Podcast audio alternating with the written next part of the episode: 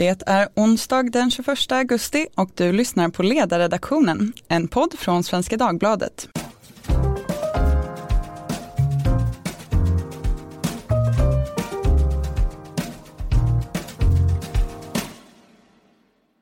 Jag heter Katarina Karkiainen och idag ska vi tala om svensk politiks amerikanska influenser, Socialdemokraterna och den eventuella inspiration från president Donald Trump som går att se hos partiets främsta företrädare idag. Det här är vi med bakgrund i dagens gästledare av Olof Ehrenkrona som heter Trump är fel svar på S-problem. Har Stefan Löfven hämtat inspiration från USA och kommer strategin i så fall att fungera?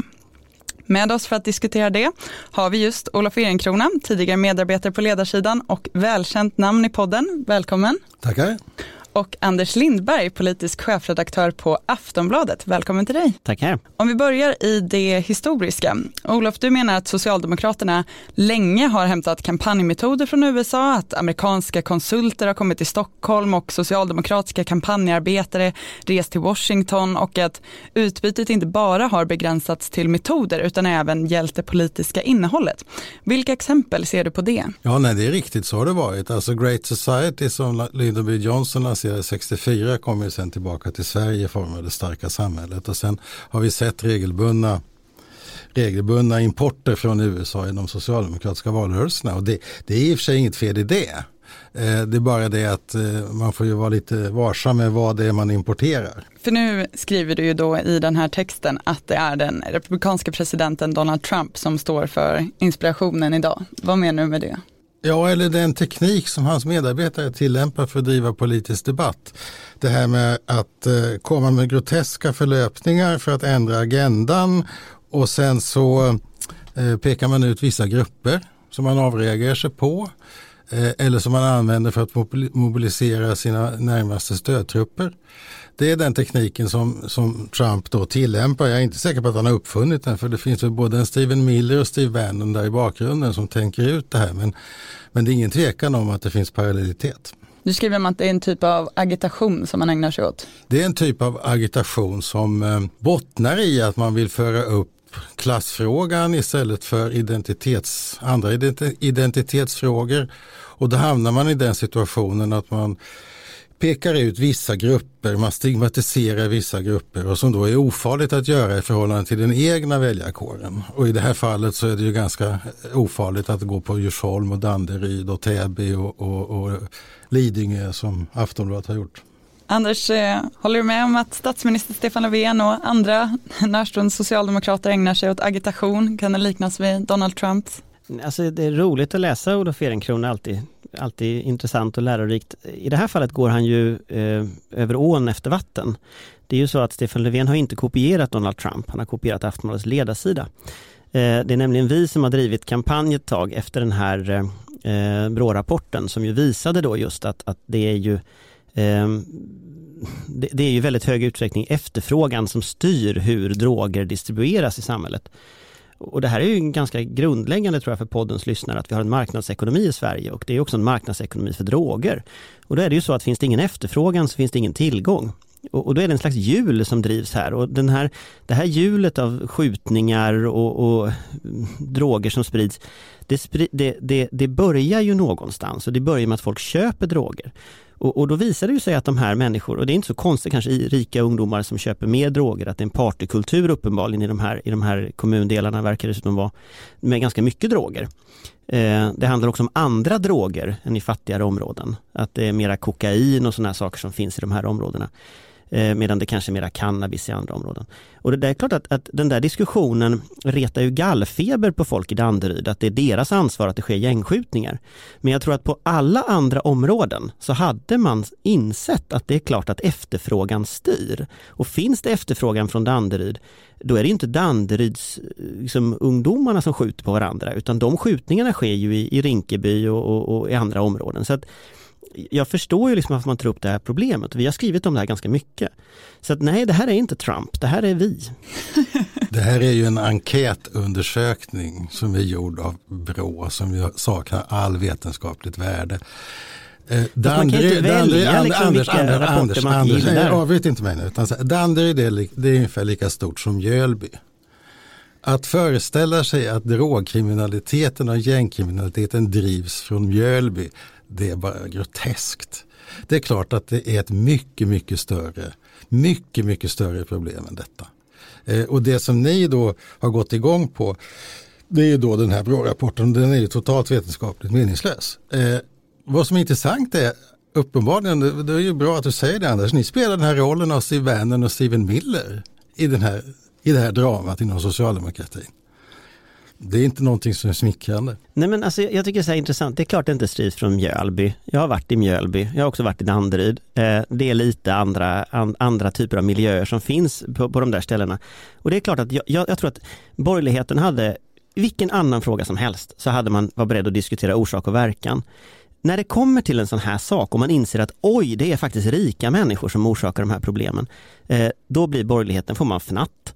Eh, och då får man sådana här motreaktioner där liksom allting är Trump eller vad det nu är. Eh, jag tror att nyckel, alltså svaret på den här frågan, vad är det som har hänt här? Det är att man har liksom skapat en slags moralisk diskussion där fattiga människor är alltid klandervärda, de är alltid lata, de är alltid, eh, de knarkar, de skjuter på varandra och sådär. Eh, och sen så försöker man frikoppla det från eh, liksom sammanhangen att det här är en del av hela samhället. Men också rika knarkare är en del av Sverige. Eh, det här hänger ihop och, och, och, lite, det här är också problemet med det här när borgerligheten inte tycker ojämlikhet är ett stort problem.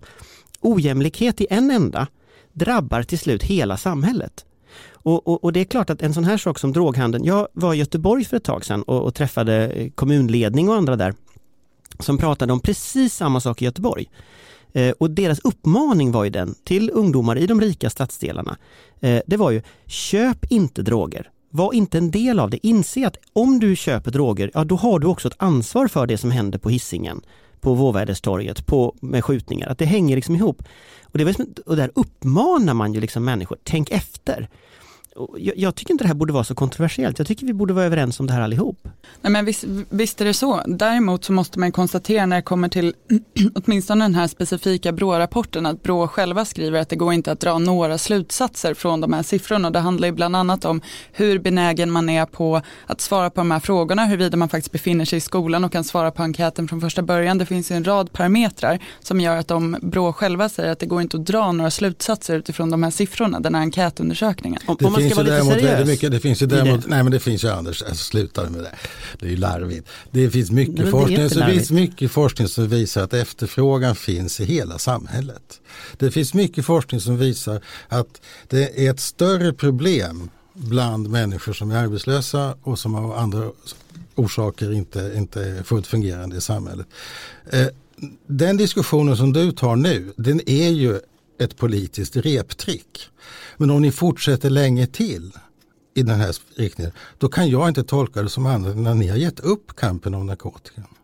Ni har gett upp kampen om de sociala problemen som förorsakas av narkotika när ni går ut och inbillar er att detta är ett problem för några ungdomar i Danderyd. Alltså det, det är socialt ansvarslöst att, att, att, att ge upp men det är ju inte det ni är ute efter utan ni gör det här politiska reptricket för att ni har problem med väljartillströmningen. Det är ju så det är. Nej, men det, jag har inga väljare alls, men det, är, det är ingen som röstar på mig. Det är ju tragiskt, men så är det. eh, alltså, varför jag gör detta, det är därför att jag tror att det finns ett samband, att samhället faktiskt hänger ihop. Det som händer i Danderyd hänger ihop med det som händer i Rinkeby. Och, och, det finns i så säga, borgerlig agitation väldigt mycket den här bilden av att nej men det här är två olika saker, det är ett utanförskapsområde, det finns utanför samhället, det som händer där påverkar inte övriga. Vad vi ser idag, det är att de ökade ojämlikheten, de ökade klyftorna i samhället faktiskt nu drabbar även andra områden än bara där Rinkeby. Det är ungdomar från utsatta områden som åker till medelklassområden och rånar människor. Eh, det är någonting polisen tar upp som en fråga. Vi ser hur, hur knarket sprider sig, eh, hur också knarkbrottsligheten sprider sig. Och jag tror att när man inser detta, och det här tror jag också borgerligheten måste inse, det är att samhället hänger samman. Och, och då, då, kommer, då kommer vi till frågan, vem köper drogerna? BRÅ-rapporten är ett inlägg i den här diskussionen. Jag tror inte den kanske var det drivande varför frågan kom upp, utan jag tror snarare att det kanske är populärkultur så mycket bättre, till exempel den här tv-serien som kom, att, att man diskuterar, eh, att man diskuterar eh, så att säga, droger i ett bredare perspektiv idag, på ett annat sätt idag än man har gjort förut. Eh, jag upplever när jag pratar med, med, med folk att, att ungdomar faktiskt har en annan inställning till droger. Vi har börjat se drogliberala texter dyka upp i borgerliga kanaler på olika sätt. Jag såg något i Kvartal här som var någon halvdrogliberal text som kom upp och sådär. Och det är klart att borgerligheten kan inte säga att det här är någonting som sker på något sätt separat från verkligheten. Om man driver den linjen, då kommer det att bli mer gängskjutningar. Men snälla, det är liksom det som kommer hända. Anders, blir det mer droger så blir det mer nej, Vi har haft ett halvsekel långt misslyckande när det gäller narkotikabekämpning i Sverige. När jag var ung så var det Kenta och Stoffe som stod för efterfrågan. Det var inget bra. Det är klart att efterfrågan är jättedålig. Men ni ska inte inbilla er att ni att ni, ni kommer undan med att säga att det här är ett Danderydsproblem därför att det finns ungdomar i Danderyd som knarkar. Drogproblemet är mycket större än så. Jag menar att ni ger upp kampen mot narkotikan till stor nackdel för de som drabbas mest av det och det är faktiskt de som har den svagaste sociala ställningen. Fast nej, även du och, måste jag tycker, nej, jag, tycker det är djupt, jag tycker det är djupt omoraliskt av er att använda er av detta politiska reptrick och den agitation i en viktig fråga. Eh, för att hantera ett problem som går ut på att socialdemokratin har förlorat stort sett halva väljarkåren under det här halvseklet, samma halvsekel som narkotikabekämpningen har misslyckats. Jag säger inte att det finns ett entydigt samband, men det är ju notabelt. Men det är klart att det finns nog inget samband alls mellan just de två punkterna. Men däremot vad som finns ett samband och det tror jag att vilken annan fråga som helst så hade du erkänt att efterfrågan påverkar tillgången. Det finns liksom inga andra områden som, som du skulle sagt att det inte gör det. Men, men när det kommer till detta och det man vet från Göteborg, man vet det från Malmö, man vet det från Stockholm, att, att här finns det en tydlig eh, effekt av att, att konflikter sker mellan gäng om narkotikatillgången. Eh, narkotikan konsumeras och det är ju stor del i Danderyd, i Lidingö, i de här områdena. Och det är klart att det, och det här tycker jag är ett individuellt ansvar. Där tycker jag människor måste, där kan man inte skjuta ifrån sig ansvaret och säga att sossarna vill ha fler väljare så jag ska inte ta ansvar. Det går inte om man lever i de här kommunerna, om det är så att man, man är en del av detta, att man, man, att man använder droger eller man gör det här, ja då har man ett ansvar för de skjutningar som sker i Rinkeby. Och det individuella ansvaret hade jag önskat att fler borgerliga debattörer tog upp. Men här istället så säger man att Stefan Löfven är dum. Och jag tycker det här är så typiskt. Här finns ett samhällsproblem som man bör diskutera, som borgerliga debattörer undviker genom att säga att det är någon slags tricks från sossarna. Jag tror inte att det är det. Jag tror att det är en, en, en, en problemdiskussion som vi måste ta upp och våga diskutera. Men det är klart att det är ett, det är, klart att det är ett politiskt reptrick när ni, alltså det finns ju hur mycket vetenskapliga undersökningar som helst om hur drogefterfrågan påverkar eh, drogutbudet och tvärtom. Alltså det är faktiskt på det viset att det finns en lag, en ekonomisk lag som säger att utbudet påverkar efterfrågan. Den har varit väldigt populär i vänsterkretsar när man har talat om reklamen. Eh, det fanns ingen efterfrågan på pizzerier, eh, på pizzor i Mjölby förrän det startade en pizzeria i det gamla Domhushuset.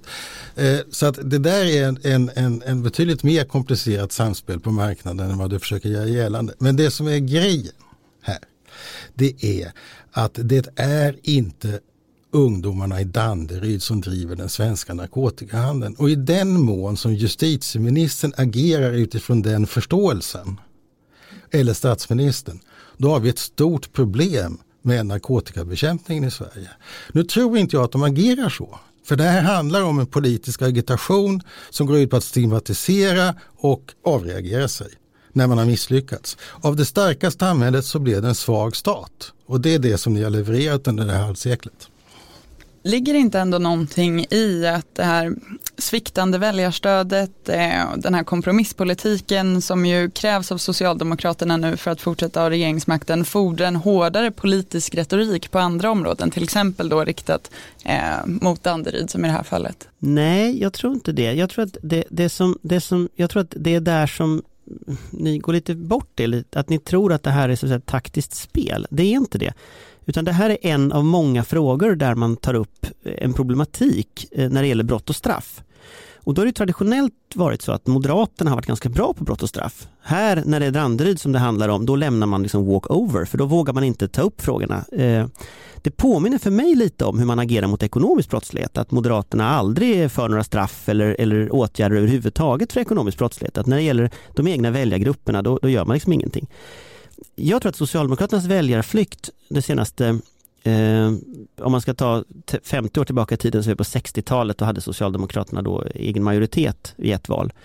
Eh, men jag tror ju någonstans att det handlar om ett förändrat samhälle, att vi, vi har kommit från en industrialisering, vi har kommit in i mer av ett, ett servicesamhälle. Det har blivit en mer politisk diversifiering, allt fler rörelser som från början kanske hade varit vänsterväljare som röstade på Socialdemokraterna, som Miljöpartiet, som Fi, som stora delar av Vänsterpartiets väljargrupper. Men även stora delar av det som är den socialliberala delen i svensk politik, som då förvaltades av Socialdemokraterna. Eh, de är nu i andra partier. Och jag tror att det där är en utveckling som man måste bryta och det kan man bryta på många sätt. Men ett sätt som jag tror det handlar om det är att visa regeringsduglighet. Att liksom Stefan Löfven ändå klarar att samla partier på båda sidor blockgränsen för någon slags liksom, ja, mittenlinje blir det ju nu. Jag tror att det kan vara ganska framgångsrikt över tid därför att vad det gör det är att det, det isolerar liksom högern i en allt argare och allt mer marginaliserad grupp. Eh, och, och, då kan ju högern välja, antingen vill man göra som Reinfeldt gjorde, man går mot mitten och så här, motarbetar den bilden som Stefan Löfven försöker göra. Eller så går man åt höger och blir liksom mera renodlad och, och, och man ska vara liksom renlärig och så. Eh, och, och jag upplever att högern nu, borgerligheten nu, Moderaterna också, de går liksom åt höger, blir mer renläriga och sådär. Och, och, och, det tror jag är en framgångskoncept för Stefan Löfven. Därför att om högern går åt höger och lämnar mitten fri, då finns det många väljare där som kommer att gå till sossarna. Eh, därför att helt enkelt man inte känner sig bekväm med liksom högens retorik och, ja, och sådär. Så där finns det liksom en möjlighet. Så jag tror snarare det är snarare lösningen. Sen tror jag det här, det är liksom, ja, brott och straff, man vill, det är klart man vill ha brott och straff. Man vill ha Moderaternas kärnfråga liksom. Tills man klantade sig i försvarsfrågan så ville man ju ha försvaret också. Eh, det vi ser är ju en socialdemokrati som i retoriken går in för polarisering.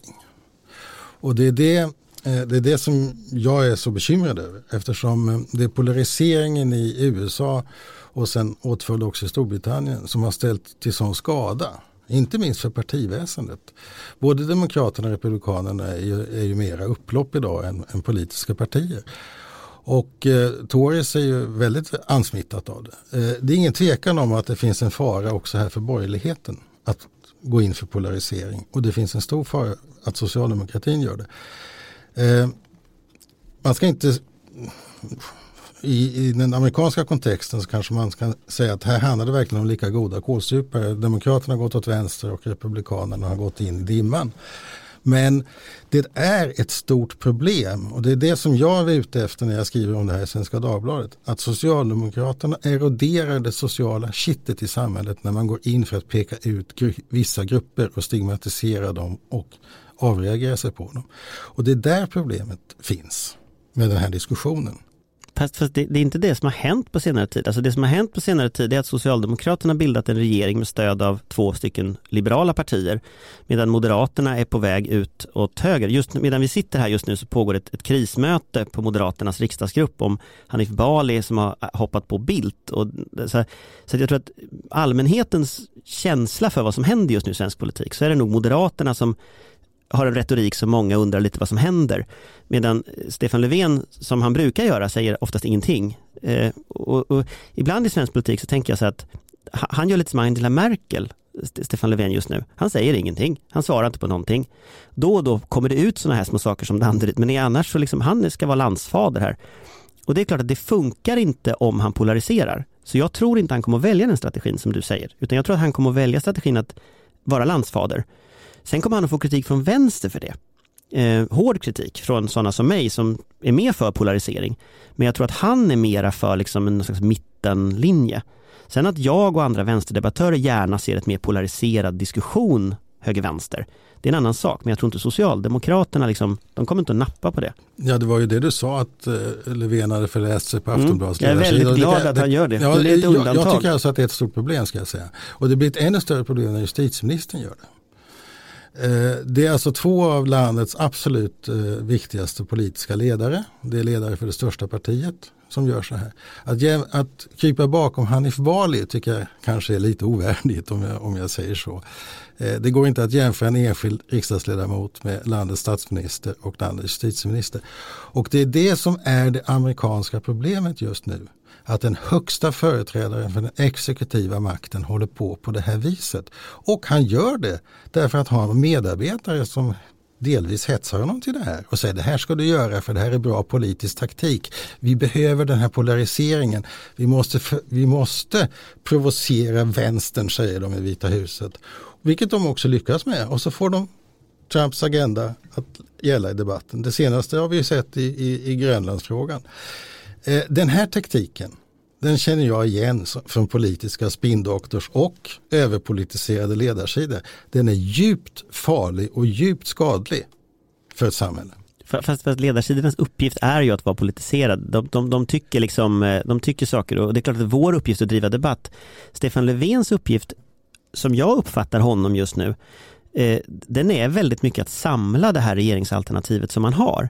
Alltså han behöver ta hänsyn till vad Liberalerna tycker, vad Centerpartiet tycker, vad Miljöpartiet tycker.